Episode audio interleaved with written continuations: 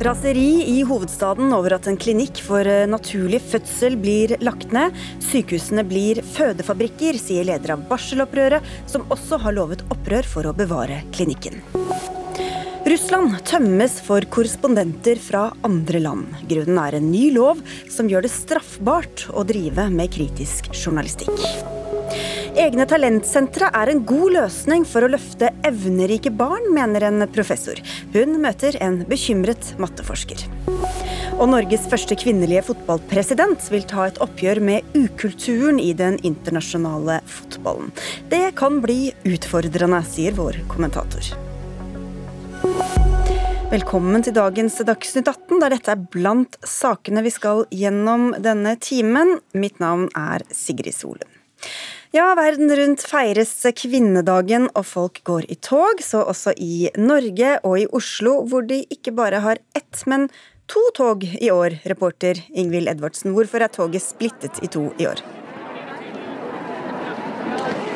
Ja, det stemmer. Det er jo hovedtoget som skal gå her fra, Youngstorget, som er arrangert av 8. mars-komiteen. I tillegg er det altså et alternativt tog som eh, polyamorøse, sexarbeidere og BDSM-folk står bak. De mener at eh, frontene i kvinnebevegelsen er for steile. Det var også et møte, et parolemøte før 8. mars eh, der det kun eh, var de som definerer seg som kvinner, som fikk stemmerett, og det er noe de reagerer på. Og Dette alternative toget det skal etter planen gå nå klokken 18 her fra Youngstorget. 8. Eh, mars er det god stemning. 8. mars-komiteen reagerer på det, og kaller det smakløst. De mener det er feil å bruke kvinnedagen til å demonstrere mot kvinnebevegelsen. Og så er det jo gjerne også et internasjonalt preg på kvinnedagen og på toget. Hvordan preger Russlands krig mot Ukraina parolene i toget?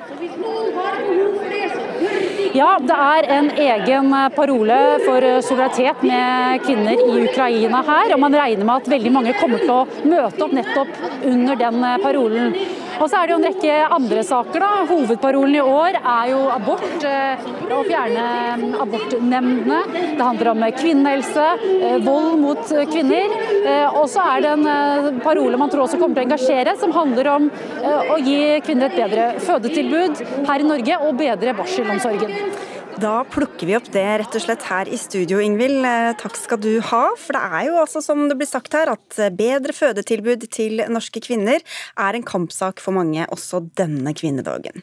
I Oslo er mange rasende etter at det ble kjent at ABC-enheten ved Ullevål sykehus legges ned når det skal bygges nytt universitetssykehus.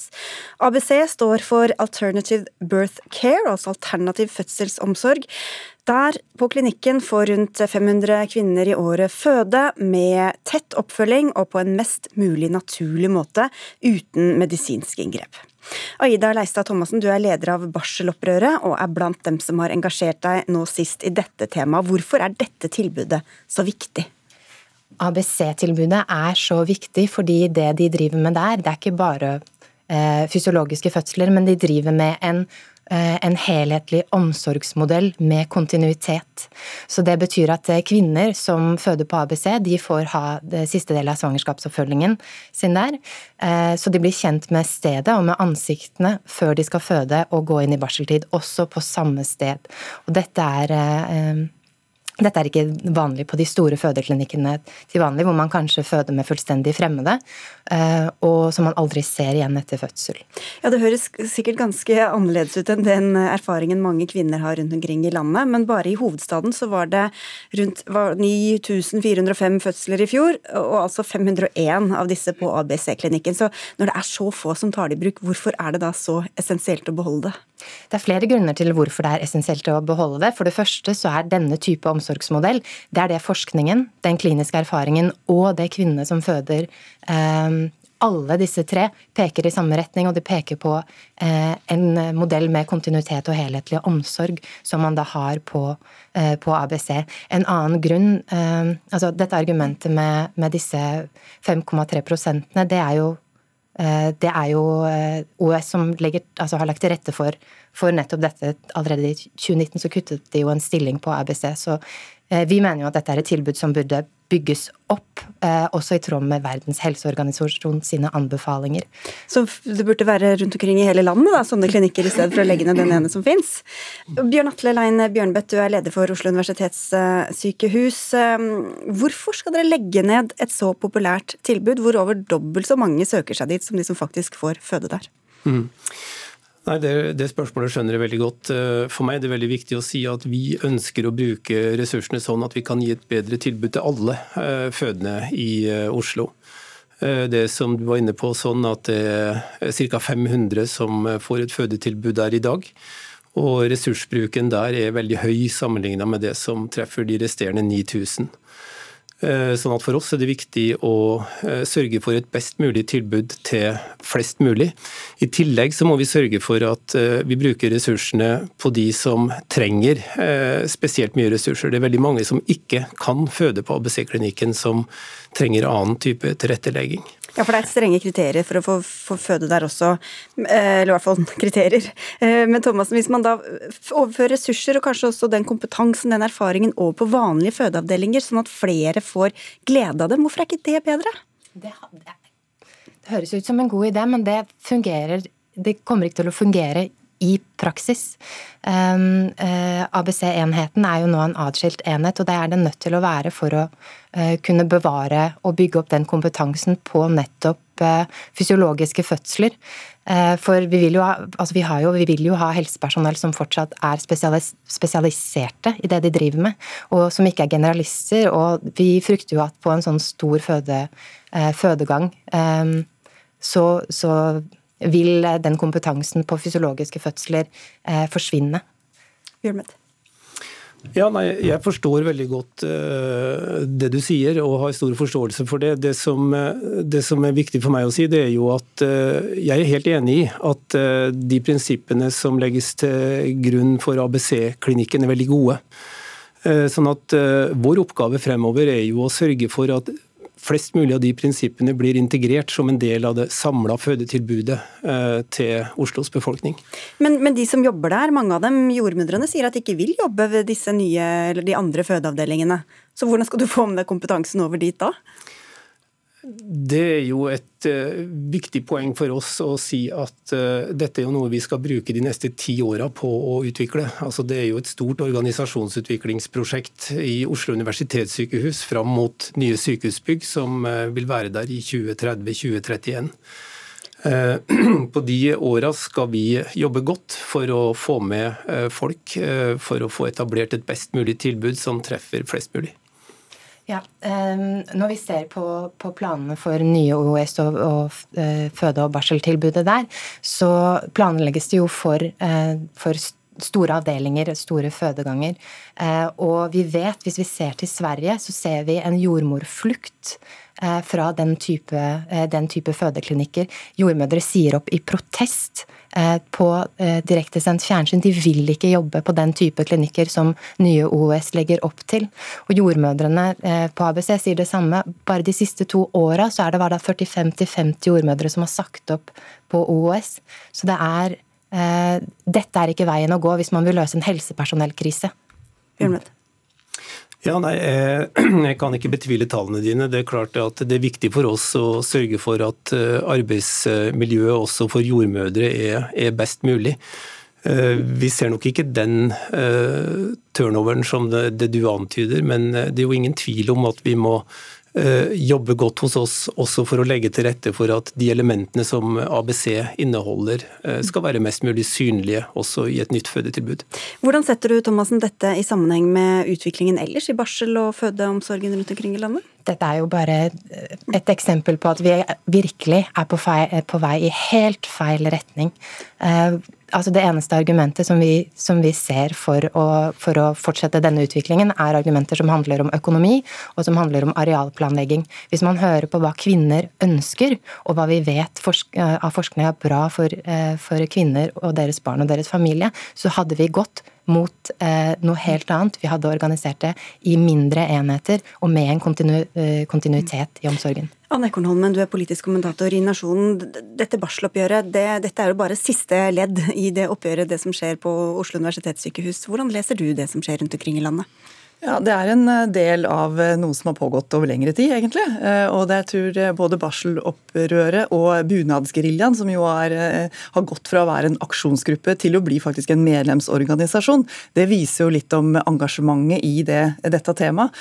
Og det pågår enten man kjemper for fødetilbudet i Oslo som storby, eller rundt omkring i resten av landet, så er jo det legitimt. Og det er det samme ønsket ikke sant, om å ha tilbudet nærmest mulig seg sjøl, og, og ikke minst ha et tilbud i det mange opplever som en veldig sårbar eh, fase i livet, rett og slett, og i familielivet.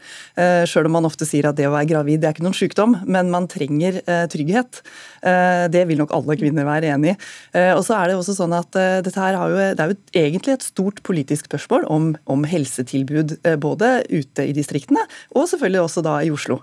Og Da blir det jo ofte argumentet på den andre siden at det er bedre å ha en, en, litt større faglig miljø, og at det er bedre kompetanse på de, når det er litt større enheter enn en, en fødestue på hvert nes. Ja, og jeg tror nok alle som er bosatt litt ute i distriktene, det er ingen der som forventer at man har alle tilbud rett utafor døra, ellers hadde man ikke bodd her i det hele tatt. Men, men, det er klart det er stor forskjell på å, å måtte reise to eller tre timer eh, over en fjord, eh, kanskje være eh, avhengig av sykebiler selvfølgelig, og kanskje helikoptre, og den type ting, men, eller det å ha, vite at du har tilgang når du trenger det. Sånn som det er nå, så er det jordmormangel. Mange fødeavdelinger holder stengt om sommeren fordi man ikke klarer å fylle opp turnusene. Eh, og det er nok mange som opplever at eh, det er en form for effektivisering der ikke nødvendigvis helse oppleves som hovedpoenget. Ja, hvordan har politikerne mottatt disse opprørene rundt omkring, da? Nei, altså Nå står det jo bl.a. i den nye regjeringas eh, Hurdalsplattform at eh, de skal sette ned et, eh, en, et, offentlig utvalg for å se på hele fødetilbud og barselomsorgen. Så der forventer vi jo at det, det kommer noen nye signaler. Mm. Vi får Ingvild Kjerkol, helseminister, her om noen minutter for å snakke om kvinnehelse generelt. Så får vi si tusen takk for at dere tok turen, også Anne Ekornholmen i Nasjonen, Aida Leistad Thomassen, leder i Barselopprøret, og Bjørn Atlein Bjørnbeth, administrerende direktør direktør ved Oslo universitetssykehus.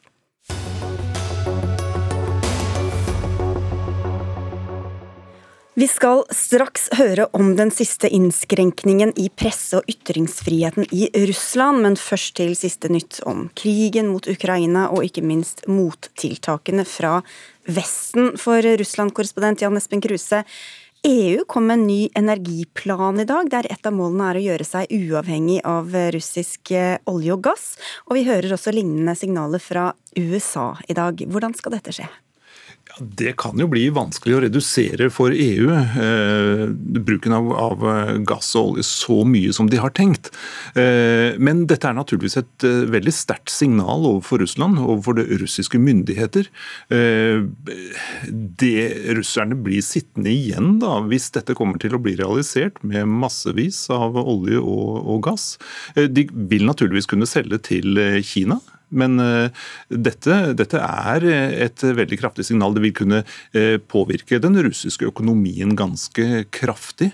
Eh, det er vel kanskje det kraftigste virkemidlet Vesten har tatt i bruk overfor Russland, økonomisk og symbolsk viktig. Og så sier Ukrainas president Zelenskyj i dag at han er villig til å diskutere Krim med Russland. Hva ligger i det? Ja, han sier han vil snakke om det. Eh, men han er ikke villig til å akseptere at Russland har tatt Krim. Han er villig til å snakke om de to opprørsregionene i Øst-Ukraina og si eh, eh, deres status, diskutere det med russerne, men han er ikke villig til å anerkjenne at de har blitt selvstendige stater, slik russerne ønsker. Sånn at det, er vel et positivt signal at han ønsker å snakke.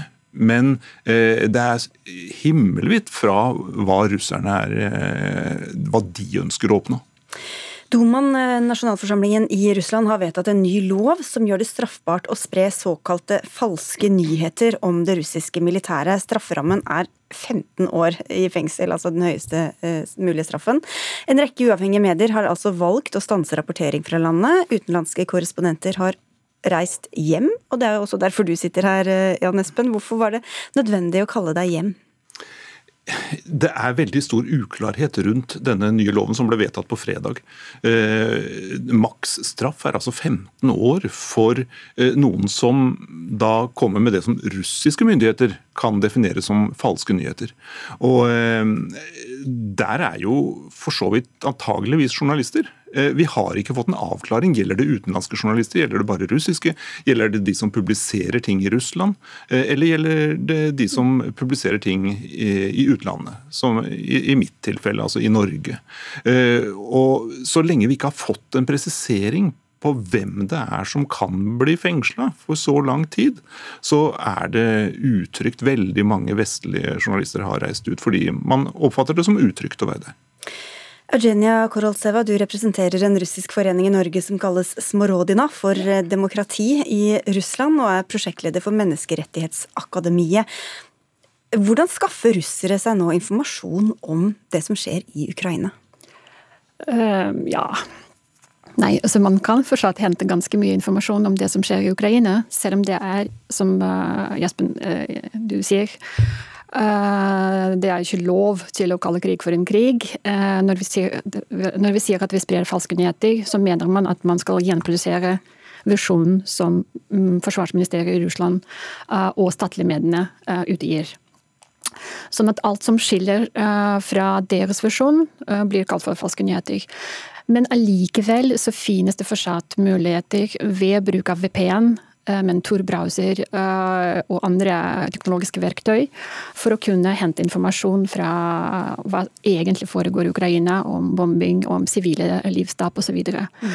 Sånn at eh, Eh, I det siste så eh, tenker jeg at eh, Navalny sin team er ganske viktig, fordi de står nå Så opposisjonspolitikeren? Opposisjonspolitikeren mm. og hans støttespillere, som er riktignok de fleste er i utlandet, de andre sitter fengslet, de har lansert nå en ikke nyhetskanal, men mer sånn analytisk kanal på YouTube som de kaller populærpolitikk, eller politikk enkelt forklart.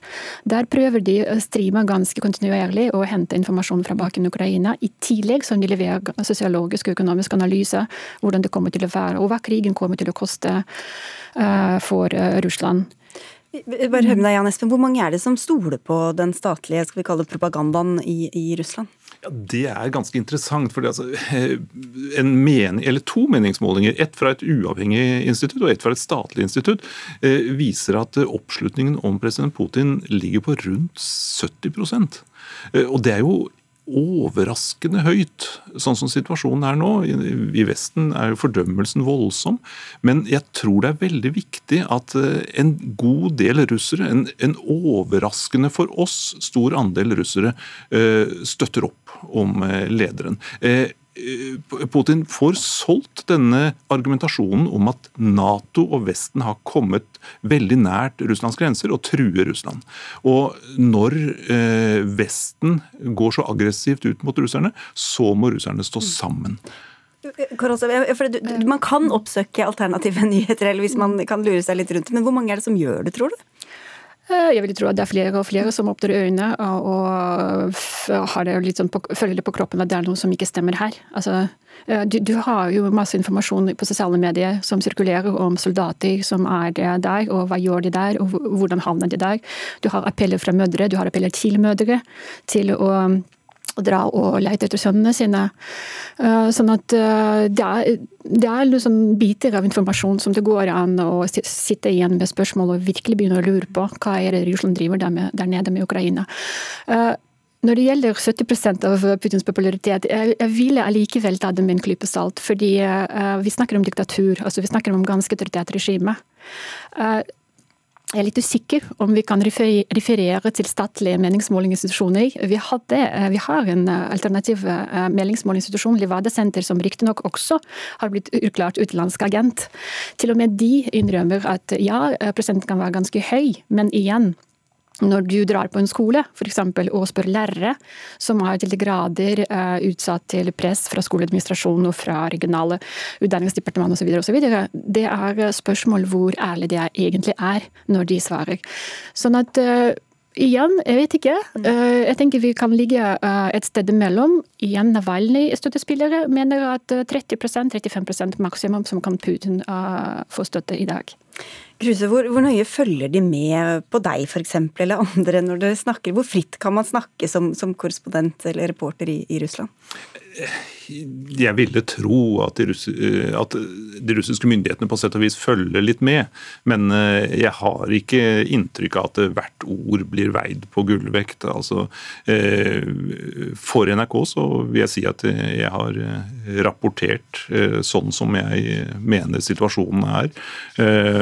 Men, og, og, og så får hvis myndighetene skulle mene at dette, dette, var feil, så kan vel risikoen være å nekte visum. Eh, men, men jeg mener, det har aldri vært noe snakk om, om sånne ting. Sånn at, men, men med den nye loven som har kommet, så har situasjonen blitt fullstendig endret. Ja, For de, for de russiske journalistene, da er, kan det være ganske skummelt å rapportere kritisk journalistikk? Uh, ja, det kan være både skummelt, men det kan være, uh, det kan være også u, uh, etisk uforsvarlig. Det er jo derfor, det var grunnene til at f.eks. den uavhengige TV-kanalen Dorst har valgt til å legge på is sendingene sine og trekke seg tilbake. Fordi du har tillit til seerne sine. I går så hadde journalistene fra TV Dorst Eh, deltatt på Zoom online for Princeton University, hvor de bl.a. nevnte at de hadde 25 millioner seere bare på YouTube. Eh, og det er jo unntatt eh, sendingene på internett, som er riktignok betalte, så du må betale for å kunne følge med. Sånn at eh, Journalistisk etikk er til stede i Russland. Og oppegående, uavhengige medier de bryr seg om eh, både sine Eh, seere og lyttere. Derfor så har vi Nova Gazeta, som fortsatt eksisterer, som velger ikke å bruke ordet krig, som har sletta en god del av artiklene som hadde med beskrivelser av krigsføringer å gjøre i Ukraina, men som fortsatt uh, leverer god journalistikk på hvordan det står til på bakken i Russland i forhold til samfunnet og i forhold til økonomi i forhold til vanlige mennesker. Takk skal dere ha for at dere kom, eh, Eugenia Koroltseva og vår egen Jan Espen Kruse.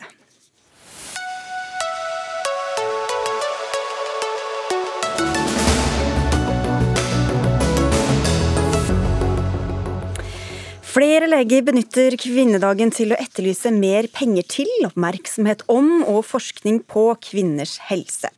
Av i alt 400 millioner kroner som brukes på helseforskning her i landet, har Norges forskningsråd i år satt av 10% til prosjekter innenfor kvinnehelse, skriver Klassekampen. Norske kvinners sanitetsforening er blant dem som har ment at typiske kvinnelidelser som endometriose, lipedem og fibromyalgi har lav prioritet og status hos leger. Du er opptatt av kjønnsforskjellene innen din egen spesialitet, nemlig hjerte, Eva Gertz. Du er professor ved Universitetet i Bergen og overlege ved Haukeland universitetssykehus. Hva står på spill, sånn som du ser det? Det har jo vært en veldig utvikling i dette med hjertesykdom hos kvinner.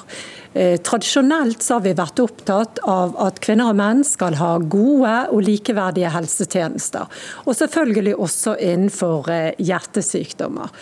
Og dette har vi på mange måter oppnådd eh, med det helsevesenet vi har bygget opp, kanskje med unntak av innenfor rehabilitering av kvinner med hjertesykdommer. Men ny forskning viser at kvinner har andre risikofaktorer for å få hjertesykdom, og at de også får til dels andre varianter av de samme hjertesykdommene som menn får. Dette gjelder hjerteinfarkt, dette gjelder hjerteflimmer, og dette eh, gjelder også hjertesvikt.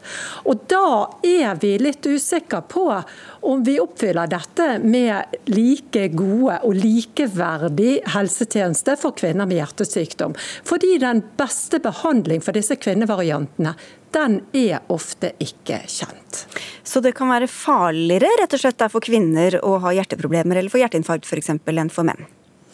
Ja, det er i hvert fall slik at eh, Typisk ved et akutt hjerteinfarkt så er det en eh, tilstoppning i en av eh, hjertets pulsårer. Og Vi har utviklet en fantastisk behandling for dette, med blålys til sykehus, videre til et stort sykehus hvor man kan blokke opp og åpne da denne tette blodåren. Men vi vet jo fra data fra Norsk hjerteinfarktregister at 23 av kvinnene de har ikke en sånn tett blodåre som årsak til hjerteinfarktet. Og hva skal vi gjøre med de? Ja, og Da etterlyser du mer forskning. Men Ingvild Kjerkol, helse- og omsorgsminister, du sier til Klassekampen at du i hvert fall ikke vil gi øremerka midler til kvinnehelse og kvinnehjerter. Hvorfor ikke det? Nå gjør vi jo det. Eh, Forskningsrådet utlyser jo særskilte midler til kvinnehelseforskning. Eh, spørsmålet jeg fikk fra Klassekampen var om jeg hadde mer penger å komme med, og det hadde jeg ikke den dagen. Men eh, den forskninga som professor Gjert og andre gjør på kvinnehelse, er jo livsviktig. Det at vi har et helt behandlingsforløp for hjerte hjerteinfarkt og, og, hjertelidelser som er basert på mannens eh, anatomi, eh, det, det, forteller meg at vi har en vei å gå for at det skal være likeverdig og god behandling. Så vi ønsker å styrke kvinnehelseforskning. Men hva er det du etterlyser da, Gerts, eh, sånn rent konkret? Jeg eh, etterlyser egentlig en helhetlig satsing på dette. Eh, vi fokuserer jo veldig ofte på hjerteinfarkt, det gjorde du også nå i din eh, spørsmålsstilling. Men det er jo faktisk, til tross for at to kvinner dør i Norge av hjerteinfarkt hver dag, så er det bare den tredje vanligste hjertesykdommen. Og hjerteflimmer, som jeg nevnte, vi har fantastisk behandling for dette med brenning i hjertet, såkalt radiofrekvensablasjon. Problemet er at denne behandlingen den er utviklet for eh, menn, egentlig. Eh, problemet oppstår i andre deler av hjertet hos eh, kvinner. og Derfor har kvinner dårligere effekt. Og Dette gjelder 15 av kvinner over 70 år, det er ikke noen liten gruppe. Og Disse blir dårligere eh, i stand til å delta aktivt i, sam, eh, i samfunnet, for ikke å snakke om så pårørende. Mm.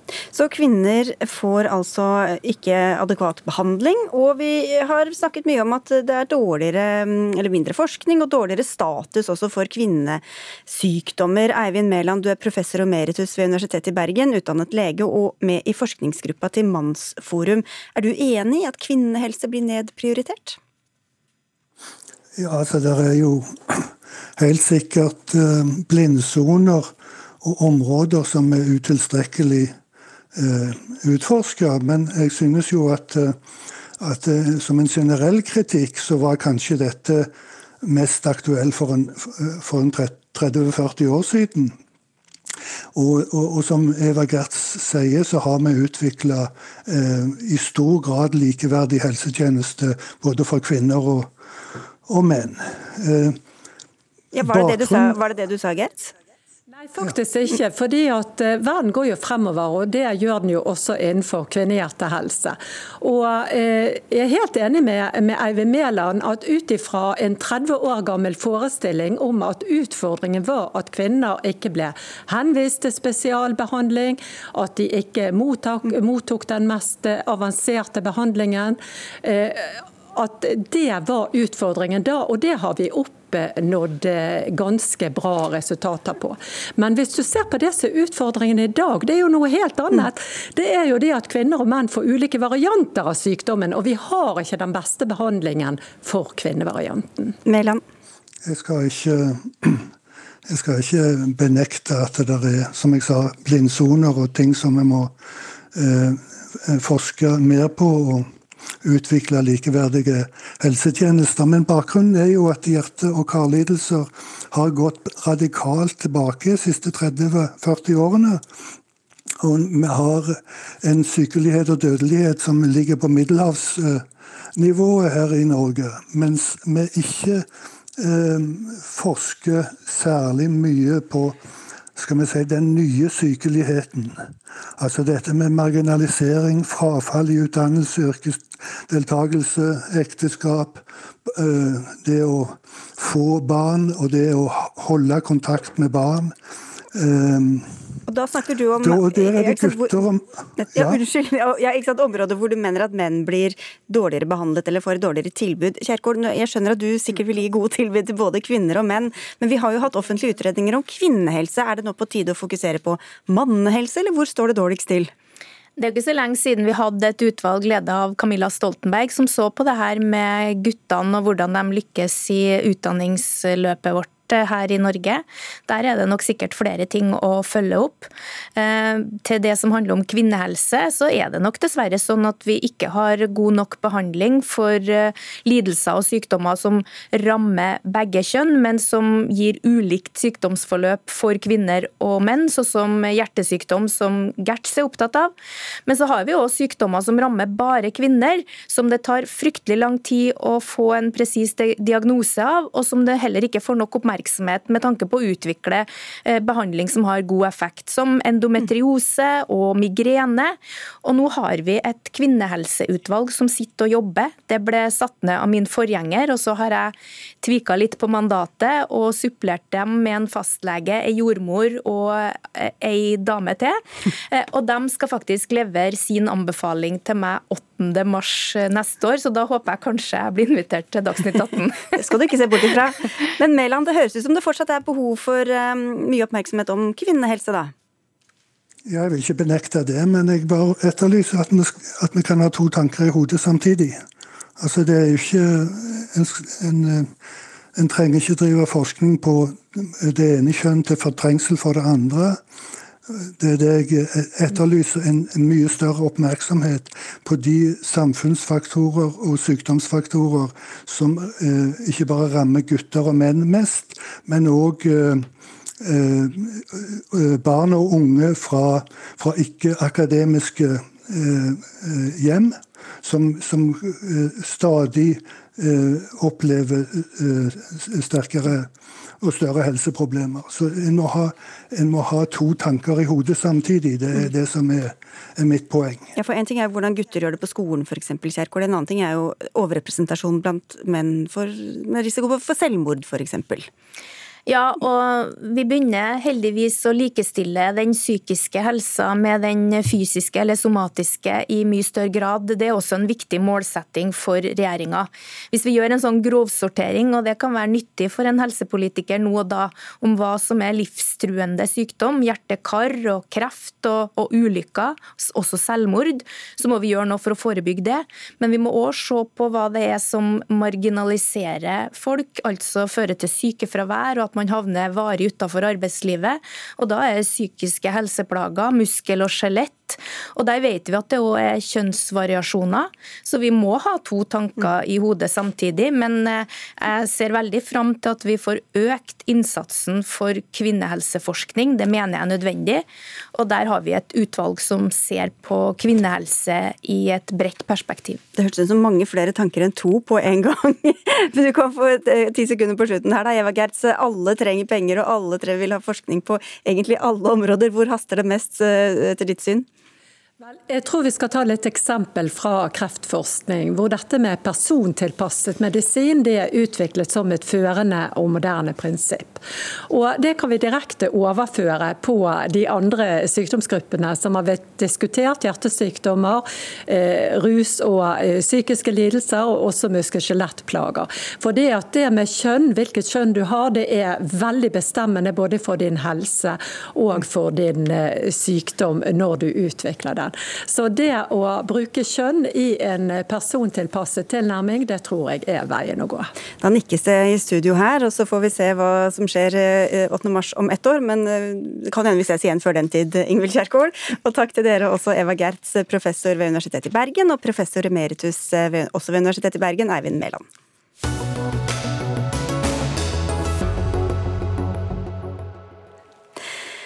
Hvordan kunne Trond Giske bli fratatt makt og søke makt, tape tillit og vinne den igjen så mange ganger i løpet av noen år? En ny dokumentarfilm om den tidligere statsråden og nestlederen i Arbeiderpartiet er på vei ut i norske kinoer denne uka. Filmen følger ham gjennom valgkamp, varsler, et svært anstrengt forhold til Hadia Tajik, en presseskandale fra VGs side og store protester fra AUF. I dag var det pressevisning, og dokumentarfilmskaper Håvard Bustnes, det er du som har laget denne filmen. Trond Giske, 'Makta rår' heter den. Men den ble vel litt annerledes enn du hadde sett for deg i begynnelsen. Hva var prosjektet i utgangspunktet? Så Utgangspunktet mitt var å lage en film der jeg skulle følge Trond Giske sitt comeback. Så Jeg starta å filme i august 2018, og da tenkte jeg nok en gang er jeg for seint ute. Alt har skjedd. Men sånn var det jo ikke. Det ble jo en ekstremt dramatisk historie etter hvert. Ja, For så kom jo disse metoo-varslene, og så var det ballete på seg deretter. Endret du syn på Giske underveis? Altså, jeg jeg starta med en slags stor fascinasjon for Giske, og antageligvis ble jeg en del av hans eh, comeback-planer. Ble kanskje også brukt i det comebacket. Eh, men etter hvert senere i prosessen så møtte jeg også varslerne og, skjønte at her er det en slags kamp om historiefortellinga, narrativet. Eh, så da ble jeg fortalt om ukultur i Arbeiderpartiet, seksuell trakassering, på ganske alvorlig type eh, planer. Jeg snakket med Trond Giske tidligere i dag, han kunne ikke være med i Dagsnytt 18, men han har jo også tidligere etterlyst at det kommer tydeligere fram at her er det ulike versjoner, og at når varslernes historie blir trukket fram, så burde han få kommentere dem direkte. Hvorfor skjedde ikke det? Altså Giske er jo hovedpersonen i filmen her, så han har jo hatt svært god plass til å fortelle sin versjon av historien. Så, så han eh, har kommet til orde.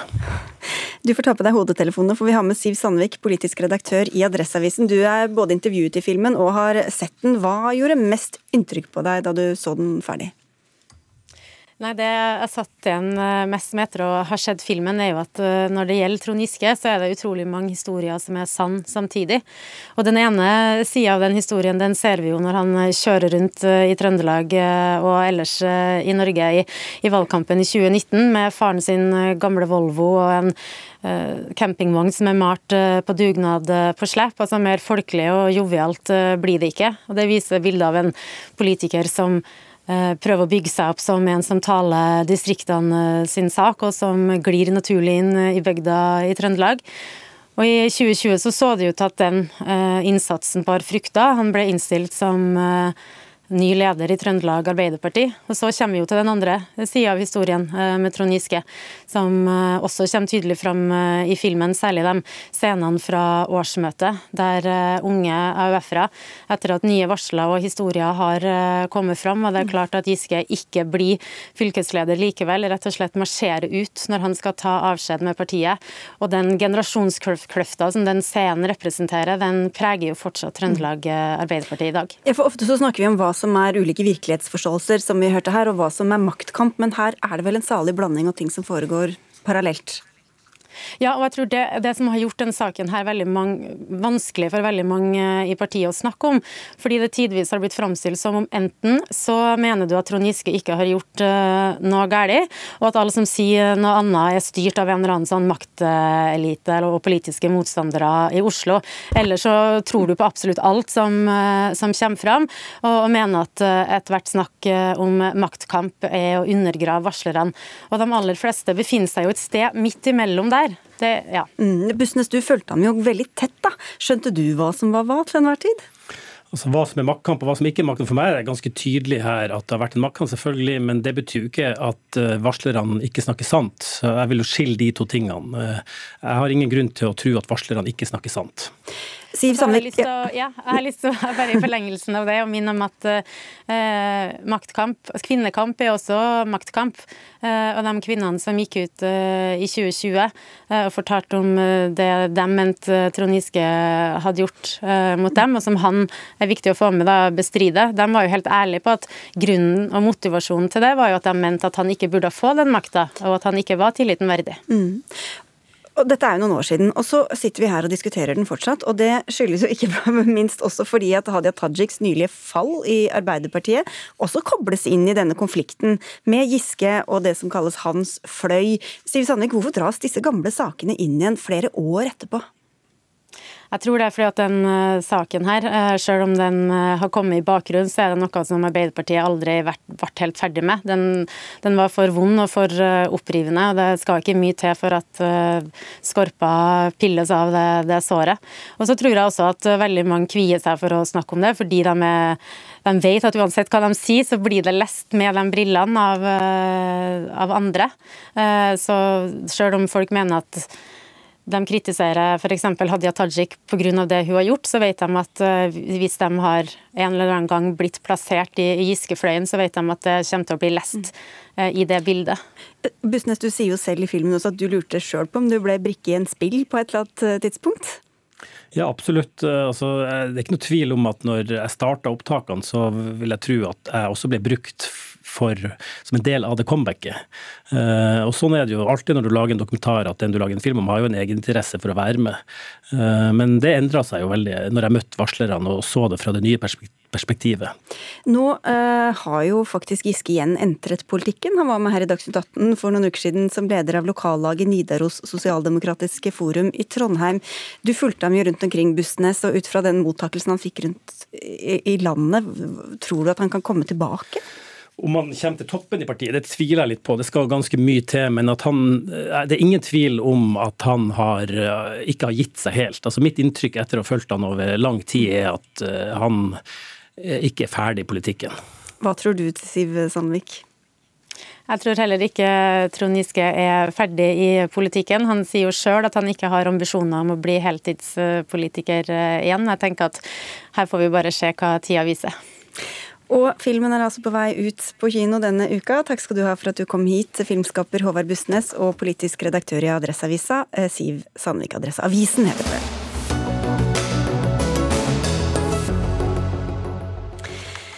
120 år med kun mannlige fotballpresidenter. En æra er nå over i Norge. Søndag ble Lise Klavenes, uten motkandidat, valgt av forbundstinget i Norges Fotballforbund.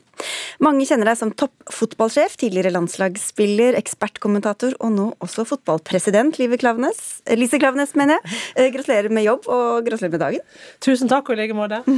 Hva var det som gjorde at du hadde lyst på å takke ja til den jobben?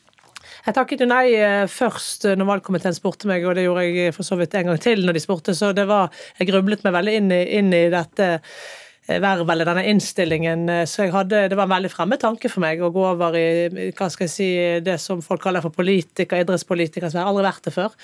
Men når jeg først eh, valgte å takke ja, så var det fordi det vokste på meg disse store oppgavene vi står overfor. og fotballens, ja, liksom Det der utrolig viktige med å bevare fotballens egenverdi da, i en sånn folkebevegelse vi står i. og Det var liksom problemer man får som toppfotballsjef likevel, både internasjonalt og nasjonalt. så så det vokste på meg til slutt. Det var et sånn ansvar og motivasjon, da, men jeg grublet og tvilte en god stund. Ja, hva var det som var så skummelt eller Nei, lite fristende?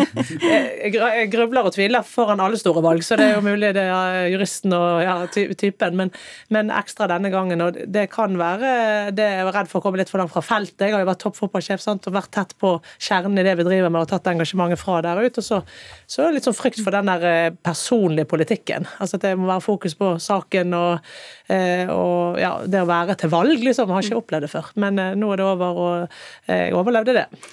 Foreløpig. ja, foreløpig. Jan Petter Saltvedt, sportskommentator i NRK. Hva slags utfordringer er det Lise Klaveness får nå? Oi, oi, oi. Du har ikke sendetid lenger enn til klokka sju. Det det er et så stort spekter eh, at eh, det blir vel eh, litt å prøve å på et vis finne noen hovedpunkter. Men det er helt ned på krets- og klubbnivå, hvor man bare er opptatt av treningstider og trenere og anleggssituasjon rundt i hver enkelt krets. Og så er det helt til at hun skal til Qatar og på et vis snakke mm, både VM-arrangører og det internasjonale fotballforbundet rett imot i mm. eh, vel fem minutter. Eh, og midt imellom der så eh, er det et mannsvelde som skal venne seg til en kvinne som president for første gang. Det, det høres selvfølgelig ut, men det er ikke noen oppgave som nødvendigvis er enkel. Og så tror jeg det kommer en ny utfordring, ikke bare for fotballpresidenten eller fotballforbundet, men det er en ny strøm med flyktninger som allerede er ganske godt på vei over grensa. Det er flyktninger fra tidligere konflikter som er her. og jeg tror det er en veldig viktig mulighet og utfordring for fotballen å kunne være med og, og, gjøre situasjonen for dem best mulig. For det er en veldig kort vei inn i samfunnet. Her var det mange ting, Klaveness. Men for å ta dette med Qatar, for det har vi jo snakket mye om, dette fotball-VM i Qatar. Du skal dit om drøyt tre uker. Hva skal du si? Nei, det må jeg eh, nå eh, skrible ned sammen med noen gode folk. Det ble jo vedtatt på ting i fjor at eh, presidenten, som da senere ble meg, men på det tidspunktet ikke var meg, skulle ned og kritisere Fifa. Og det var jo uansett noe vi ville gjort. Vi, vi har noe å melde her, og så er det jo viktig at det vi sier handler om å få, gode virksomhetsstyringsstrukturer, og at vi, må ha en ledelse som er til å stole på for fremtidige generasjoner. For det er jo et folkeopprør i supporteropprør, grasrotopprør, og man merker at man krever noe annet enn det Fifa har å by på. Og vi må jo snakke om noe som har forgreininger til det folk har ment i Norge, og framover, som forplikter oss sjøl òg, selvfølgelig. Og dette gubbeveldet som Saltvedt eh, snakker om, da, hvordan tror du det blir mottatt av dem? Eh, nei, altså jeg, er vant, jeg har jo vært første kvinne i mange situasjoner, og jeg tror det ene tar det andre litt. da, sant? at eh, Nå har det vært en greie for meg. så det, det er jeg vant til. Menn er jo greie, liksom. Så, så det i seg selv, om det er kvinner eller menn som er meningsmotstandere, er jo ikke noe jeg tenker noe mer på. Men jeg syns det er veldig viktig at det kommer kvinner i posisjoner. og I Fifa er det en sjelden vare at eh, kvinner er øverste ledere. Så det, det tenker jeg at det er veldig bra på vegne av de som har vært før meg, som ikke fikk har fått disse posisjonene.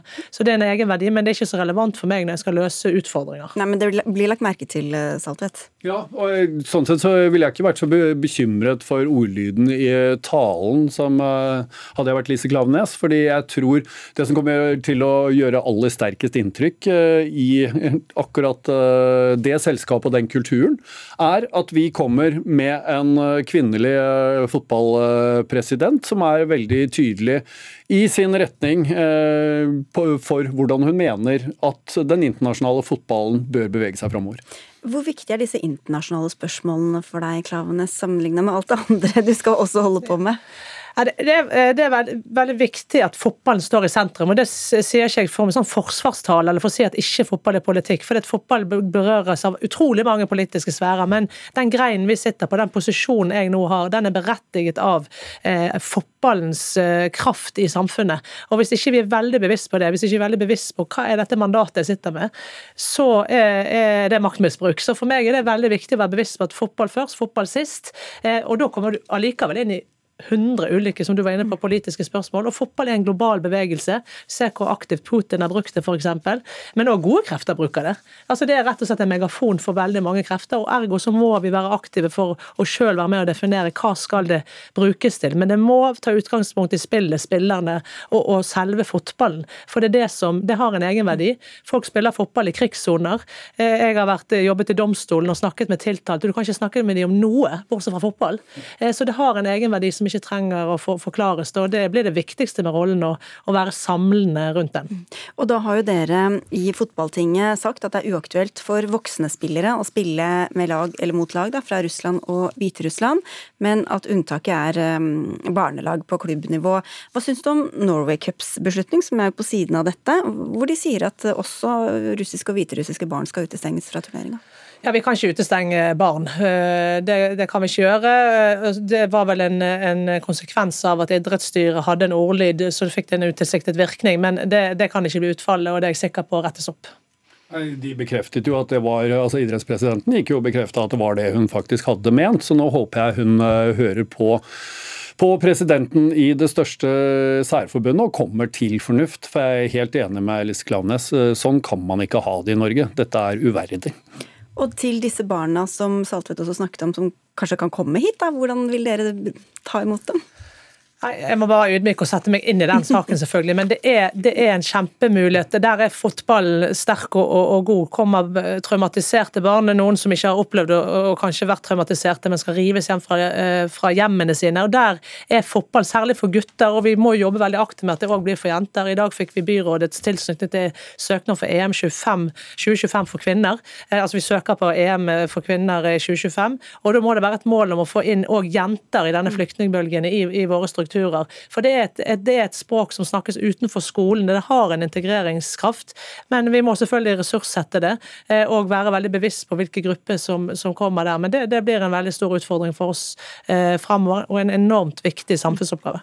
Du har mange oppgaver foran deg, Lise Klavenes. Vi får ønske deg lykke til. Tusen takk. Gratulerer igjen. Og takk skal dere ha. Takk til deg også, Jan Petter Saltvedt.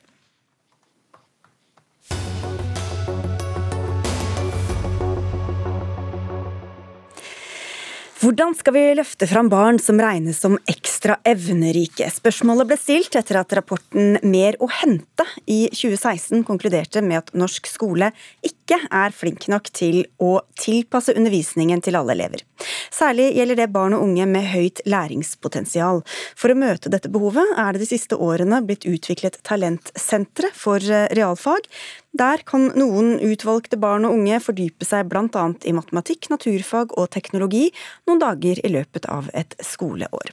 Kjersti Wege, du er leder for Matematikksenteret ved NTNU, og bare for å si det først, så er du ikke ute etter å kritisere talentsentrene selv eller den innsatsen de gjør. Men du tror likevel ikke at sånne sentre i seg selv er veien å gå. Hvorfor ikke? Nei, altså Forskninga viser at det er mulig å gi god undervisning for de elevene med stort læringspotensial i ordinære klasserom. Og at den beste løsninga er å gjøre det i den ordinære undervisninga. Så vi trenger å hjelpe og støtte lærerne med å få til det her. For det å begynne å plukke ut enkeltelever til eh, et talentsenter, det tror ikke vi er veien å gå. Ella Itzø, du er professor ved Universitetet i Oslo og har lenge engasjert deg i hvordan norsk skole følger opp evnerike barn. Hvorfor syns du at Talentsenteret derimot er en god løsning? Jeg tror det er en av flere gode løsninger. Um, um, talentsentrene ble et grep, et nødvendig grep i 2016. Um, fordi det, det var ikke noe tilbud. Og fordi um, det kan ta flere generasjoner å reformere hele Skole-Norge-systemet og, og, kompetanseheving på, på, ulike nivåer. Og til denne kompetansen kommer i praksis, blir implementert i praksis, kan ta mange, mange år. Så uh, talentsentrene ble etablert som et nødvendig grep for disse elevene. Men klart, ideelt jeg skulle ønske, og det blir i framtiden en dag, at eh, alle lærerne og eh, barnehagene òg er i stand til å identifisere disse elevenes behov og ivareta de i undervisningen. Men vi er ikke der nå? Nei, Nei. Det er forskjellige grep, det er altfor fragmentert. Det finnes ikke noen systematisk satsing. Eh, det finnes noen skoler som jobber bra, men alt er tilfeldig. Noen lærere som er bevisste på dette. Men det finnes ennå mange lærere som syns disse elevene er irriterende, plagsomme, fordi de stiller for mange spørsmål.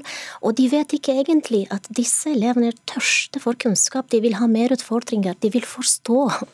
Eh, ja, sant? Så det er Det krever tid og en stor satsing fra universiteter og uh, høyere utdanningsinstitusjoner som skal sette dette på agendaen. Begge? Ja, jeg tenker at det med talentsenter er problematisk eh, fordi at det er mm, bare noen få elever som får muligheten. Du har eh, mange elever med stort læringspotensial i Norge, mens det er bare noen få, veldig få av dem som får sjansen til å komme på talentsenter. Samtidig som Ella sier, så er det vanskelig å identifisere og så finne ut hvem de her elevene er. Og Dermed er det også vanskelig å finne ut hvem som skal dra på talentsenter. Ja, for hvis, hvis, hvis, hvis de ikke engang veit, eh, eller hvis ikke kompetansen er der i skolen, hvordan vet vi at de sender de, de riktige ja. i, i hermetegn elevene til disse sentrene? Mm. Rekrutteringssystemet for talentsentrene er ganske omfattende. Det går via eh, De ser ikke på prestasjoner nødvendigvis, men på læringsatferden, så lærerne får en liste med Eh, som eh, er, kan, de kan observere i klasserommet hva type atferd, hva type atferd disse elevene har, som er litt annerledes enn hos andre elever. Det, er, det foregår gjennom foreldrene og elevene sjøl. De sier sjøl at de vil ha mer utfordringer i, i realfag. Um, uh, og jeg er enig, det er litt for lite tilbud. Um, men det er derfor det må utvides i, i flere byer. Og samtidig disse elevene er en sammensatt gruppe. Noen av disse elevene skal bli ivaretatt i den vanlige og inkluderende skolen, men det finnes alltid noen elever som har enda mer behov for kunnskap og for å treffe eksperter og fagfolk som de kan treffe på disse talentsentrene. Og ikke minst, forskningen viser at disse elevene har et stort behov for å treffe like sine. Ja, for det høres Du, du viste jo også til forskning, som egentlig sa det motsatte, at de heller burde være liksom på tvers? Ja, Forskninga er ganske entydig på at elevene bør, alle elevene, også elever med stort læringspotensial, må være i de ordinære klasserommene. Og De siste årene så har Matematikksenteret ved NTNU vi har jobba med samarbeid med universitetet i Cambridge. og De har jobba med de her elevene med stort læringspotensial i mange år. Og De har endt opp og konkludert med at det beste løsningen er at de jobber i ordinære klasserom. Og De har forska på det i mange år. I tillegg så har vi samarbeid med dem om å utvikle det vi kaller for listeoppgaver. Og Listeoppgaver det er oppgaver med lav inngangsterskel, sånn at mange elever um, får til å begynne å jobbe med oppgaven. Og så er det stor takhøyde, som betyr at alle elevene får til å strekke seg høyest mulig og jobbe med avansert matematikk. Og Erfaringer og forskninga deres og vår forskning viser at det er tilstrekkelig for de aller fleste elevene med stort læringspotensial. De får virkelig utfordre seg på som Ela snakker om, det å forstå matematikken, det å se sammenhengene og jobbe dypt, dypt med det komplekse i det enkle. Ja, jeg kjenner det til, til listeoppgavene og forskningen eh, bak. Det er veldig bra, det er veldig fint, men disse elevene trenger mer enn matematikk. De trenger òg kjemi, fysikk, eh, samfunnsfag. De trenger tilbud på andre områder. Vi selv ved Universitetet i Oslo vi har eh, eh, et samarbeid med Asker kommune, hvor vi òg ser på hvordan Via naturfagdidaktikk, via å lage utforskende aktiviteter, kan vi inkludere elever på forskjellige nivåer. Så det er fantastisk. Vi piloterer dette. Men til vi forsker på dette og piloterer dette og, og ser gode resultater som kan tas i praksis, det kan ta lang tid. Um, og jeg tror vi ser på ulike typer forskning, fordi en metaanalyse som var publisert for ikke så lenge siden, viser faktisk at det å tilby disse elevene um, opplæring utover læreplanen, og så gruppere de etter nivå, er, uh, gir faktisk veldig mange gevinster, både sosialt og akademisk. Mm. Er det noe litt sånn unorsk i dette, Vege? At vi skal ha sånne egne talentsentre for de som mm. kan lære enda mye bedre enn det alle de andre barna kan? Ja, det er absolutt det. Og jeg tenker at Vi må bevare den norske tankegangen om at elevene skal få opplæring i klasserommet sitt, i klassen. Og når vi snakker med forskerne i Cambridge, så sier de at de misunner oss i Norge at vi ikke har hatt det fokuset på talenter og det her med elitedyrkinga. fordi at når man først kommer dit, så er det så vanskelig å reversere. Mm. Så jeg tenker det er utrolig viktig at vi starter i klasserommet. Og så hjelper vi og støtter lærerne til å få til det her. Og jeg mener jo at lærerne er kommet ganske mye lenger enn det Ella sier. De har virkelig kommet langt, og det viser også forskninga vår. Jeg skulle bare si det, Elaitse, for det er jo ganske synlig. Når du tar noen ut av klasserommet, så er det noe annet enn når man bare liksom utforsker oppgavene litt sammen, men på ulikt nivå. Mm. Ja. Ser, ser, er det uheldig at, man, at, man, at, det blir så veldig tydelig hvem som er på både ja og nei. Um, uh, fordi det må bli akseptert at vi er ulike, og at vi har ulike behov. Um, hvorfor noen bare går på skiklubber eller fotballklubber, de er veldig flinke i det, og det er veldig akseptert. Sant? Jeg syns det er elitist, dette i seg selv, å bare velge å applaudere for noen talenter, og ikke for andre. Som musikk og idrett er veldig høy priset i Norge. Men hvorfor ikke talent i kjemi eller fysikk eller i, på andre områder? Vi har vært i kontakt med Kunnskapsdepartementet, som sier at de vil bruke elementer fra talentsentrene til å videreutvikle undervisningen i skolen, og at de er i ferd med å vurdere veien videre. Noe klarere svar fra dem eh, fikk vi ikke, men vi fikk tatt debatten her i hvert fall. Takk skal dere ha, Ella Itzøe og Kari Væge. Dagsnytt 18 er ved veis ende. Sara Victoria Rygg, Hilde Tosterud og Sigrid Solund ønsker eh, god kveld.